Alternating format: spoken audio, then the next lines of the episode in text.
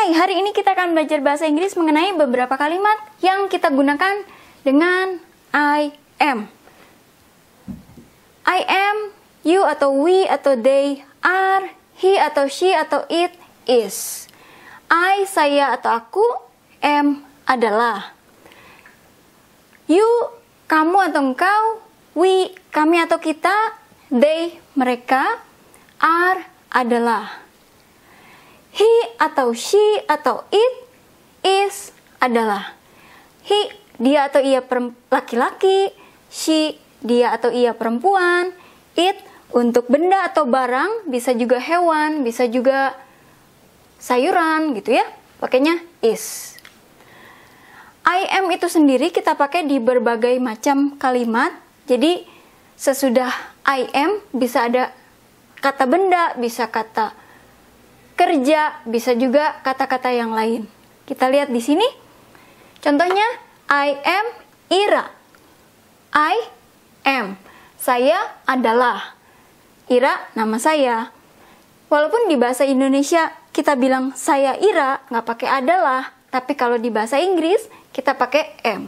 Ya, I am Ira. Kalau kita ganti jadi kamu adalah, misalnya ada orang bilang kamu Ira atau kamu adalah Ira, pakainya you are Ira.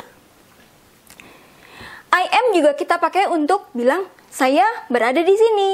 Nah, di sini here. Di sana there. Here, there.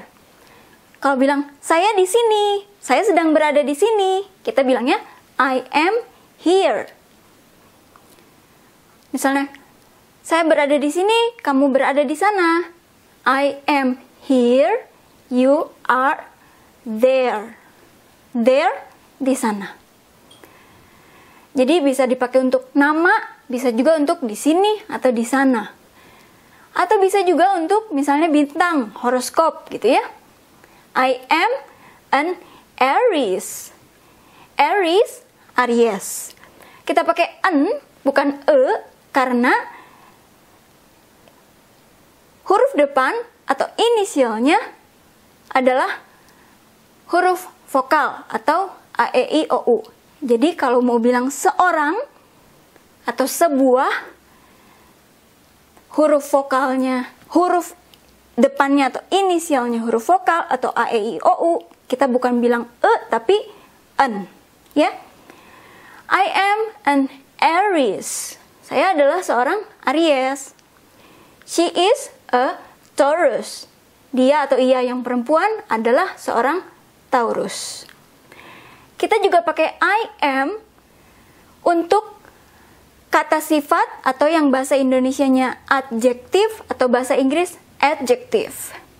Contohnya nervous, cemas atau deg-degan. Happy, gembira atau senang, sad, sedih, atau sorry, menyesal. Jadi bisa juga setelah kata I am, kita pakai untuk adjektif atau kata sifat. Adjective. I am nervous, I am happy, I am sad, atau I am sorry. Sesudah I am, bisa juga kita pakai untuk contohnya profesi. Di sini sebagai seorang murid. A student. Seorang murid. I am a student.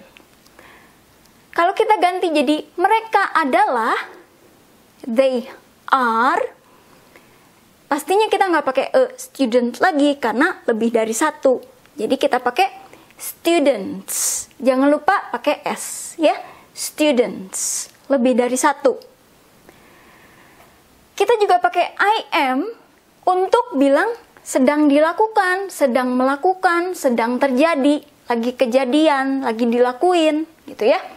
Salah satu ciri khasnya adalah verbnya atau kata kerjanya pakai ing. Ing, ing, ing, ing, ing. It adalah makan, tapi kalau mau bilang sedang makan, lagi makan, sedang dilakukan lagi makan, kita harus pakai am atau are atau is. Terus jangan lupa kata kerjanya pakai ing ing ing ing ing gitu. Eating, sedang makan, lagi makan. I am eating, she is eating, we are eating. Saya sedang makan, lagi makan, dia atau ia perempuan sedang atau lagi makan, kami atau kita sedang atau lagi makan. Eating. I am juga kita pakai untuk di sini yang artinya sedang. Bukan sedang tapi artinya sudah terbiasa. Udah biasa, sudah terbiasa. Udah bukan hal aneh lagi tapi udah biasa gitu ya. Jadi kita bilangnya ah udah biasa, udah bukan hal aneh lagi gitu ya. Jadi I am used to. Dalam hal ini si am used artinya sudah terbiasa, udah biasa. To bisa kita artikan sebagai untuk, bisa artikan sebagai dengan, ya. Udah terbiasa sama apa nih? Udah biasa sama apa nih? Gitu, ya. Kalau I pakainya am, kalau ini you, we, they pakainya are, he, she, it pakainya is. Tapi tetap seudahnya kita pakai used, used. Sudah terbiasa, udah biasa, udah bukan hal aneh lagi, gitu ya. Dengan atau untuk pakainya to. Jadi si kata kerjanya atau si verbnya atau si predikatnya am used atau are used atau is used. Jangan lupa terbiasa sama apa, dengan apa, untuk apa, tuh. Nah, kalau kita udah bilang udah terbiasa, sudah terbiasa, udah biasa, dengan atau untuk, seudahnya pakai objek. Nah, si objek ini kedudukannya sebagai kata benda atau bahasa Inggrisnya noun. Contohnya, I am used to, saya sudah terbiasa, saya biasa, saya terbiasa dengan atau untuk to seudahnya kata benda. Dalam hal ini contohnya cold weather. Cold itu dingin, weather itu cuaca atau udara gitu ya. Kalau bahasa Inggris coldnya dulu baru weather. Cold weather. Cuaca atau udara dingin. Ini adalah kata benda atau noun ya. Karena si predikatnya atau kata kerjanya atau verbnya udah duluan di sini. Kan terbiasa sama apa? Udah biasa sama apa? Kata bendanya atau nounnya atau objeknya. Ini being heard, walaupun kita pakai ing, tapi bukan artinya kata kerja atau verb. Ini artinya adalah sebagai pasif. Jadi hurt itu artinya sakit, tapi kalau being hurt itu artinya disakiti ya. Saya terbiasa atau sudah biasa dengan atau untuk disakiti. Jadi ini being hurt biar biarpun ada ing bukan artinya sedang atau lagi dilakukan atau sedang terjadi, bukan, tapi artinya sebagai pasif disakiti, ya. Ini predikat atau kata kerja atau verbnya. I am used to being hurt. Tapi kalau kita mau jadi si objeknya atau si kata bendanya atau nounnya justru kita yang menyakiti gitu ya, bisa pakainya hurting someone. Hurting walaupun ada ingnya ini bukan berarti sedang dilakukan atau sedang terjadi lagi terjadi, bukan. Ini artinya aktivitas menyakiti seseorang. Seseorang, someone, ya. Someone, seseorang. Hurting ini di sini sebagai kata benda, aktivitas menyakiti seseorang, ini adalah jerun. Jerun adalah kata benda atau noun yang dibentuk dari kata kerja dikasih ing. Kata kerjanya hurt sakit, menyakiti, ing, tapi bukan artinya sedang terjadi atau sedang dilakukan, sedang terjadi. Ini artinya aktivitas, aktivitas menyakiti, jerun, kata benda, noun, yang dibentuk dari kata kerja dikasih ing, tapi artinya aktivitas sesuatu, aktivitas menyakiti. Bukan menyakiti tapi aktivitas menyakiti. Kata benda, ya, jerun. Karena kata kerjanya atau predikatnya udah duluan di sini. Terbiasa sama apa? Udah biasa dengan apa? Untuk apa? Objeknya atau kata bendanya dalam hal ini hurting someone. Ini juga sama. Walaupun kita lihat ada ing di sini, tapi bukan artinya sedang makan atau lagi makan, sedang dilakukan makan, bukan. Karena kata kerjanya atau predikatnya sudah duluan di sini. Ya, I am used to. Saya terbiasa. Saya sudah biasa. To dengan atau untuk untuk apa? Objeknya apa? si kata bendanya apa, terbiasa dengan apa. Nah, jadi ini bukan kata kerja, tapi kata benda, yaitu jerun lagi, ya. Kata benda yang dibuat dari kata kerja dikasih ing, tapi artinya sebagai kata benda. Aktivitas makan. Eating rice. Aktivitas makan nasi ya. Jadi bukan sedang makan nasi, lagi makan nasi, bukan tapi aktivitas makan nasi. Karena si kata kerjanya atau predikatnya udah duluan di sini si verbnya. Jadi I am used to saya terbiasa, saya sudah biasa dengan atau untuk to eating rice, makan nasi, aktivitas makan nasi every day, setiap hari. I am juga kita bisa pakai untuk suatu ini misalnya. E seorang pescetarian.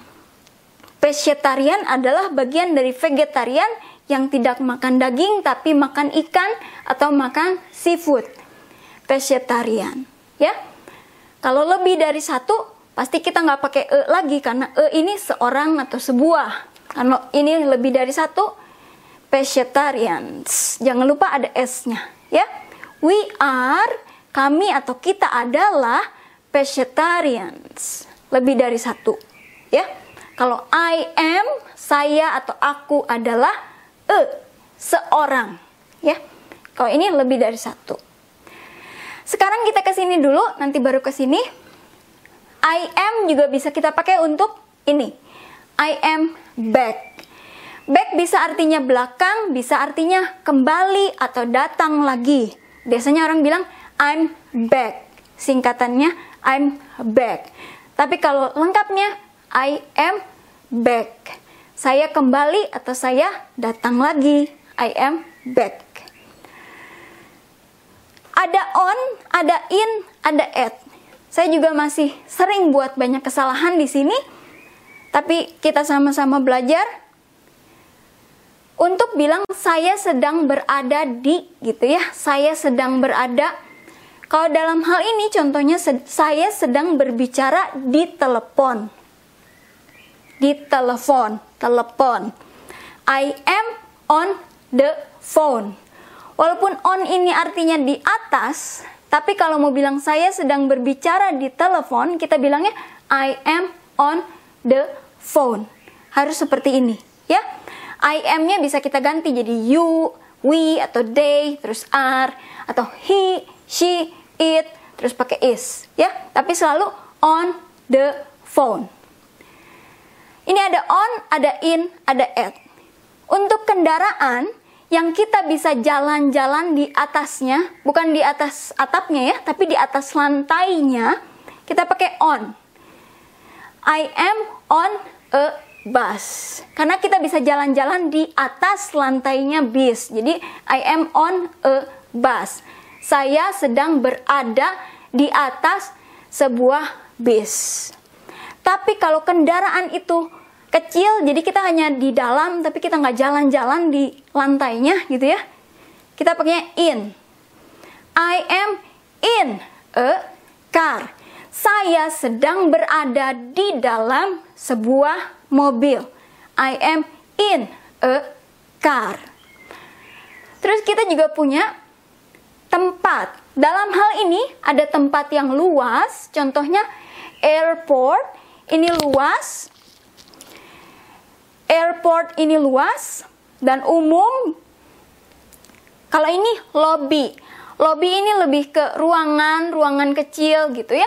Jadi kita pakainya in. Kalau airport lebih luas, kita pakainya at. I am at the airport. I am in the lobby. Kenapa kita pakai the? Karena airport ini huruf vokal A, E, I, O, U inisialnya ya. Jadi kita pakai the bukan the. Ini lobby. Jadi the lobby. Di sini telepon, lobby, airport kita pakai the karena kita spesifik. Udah lebih tahu gitu ya. Phone, terus lobby mungkin kita lagi bilang di hotel atau di apartemen, lobbynya gitu ya. Airport mungkin tahu kita mau pergi atau kita mau ke mana, udah tahu di airportnya. Kalau ini a car, kita nggak tahu mobilnya siapa gitu ya. Ini juga a bus, sebuah bis, sebuah mobil, kita nggak tahu, pokoknya di sebuah aja gitu pakai e. The ini yang lebih spesifik. Sekarang yang terakhir di sini. Ini adalah kalimat pasif yang dibuat dari kalimat aktif ini. Kalimat aktifnya dulu. They use me. Mereka menggunakan, memakai, memperalat saya. Saya kalau posisinya sebagai objek dalam bahasa Inggris bukan I tapi me.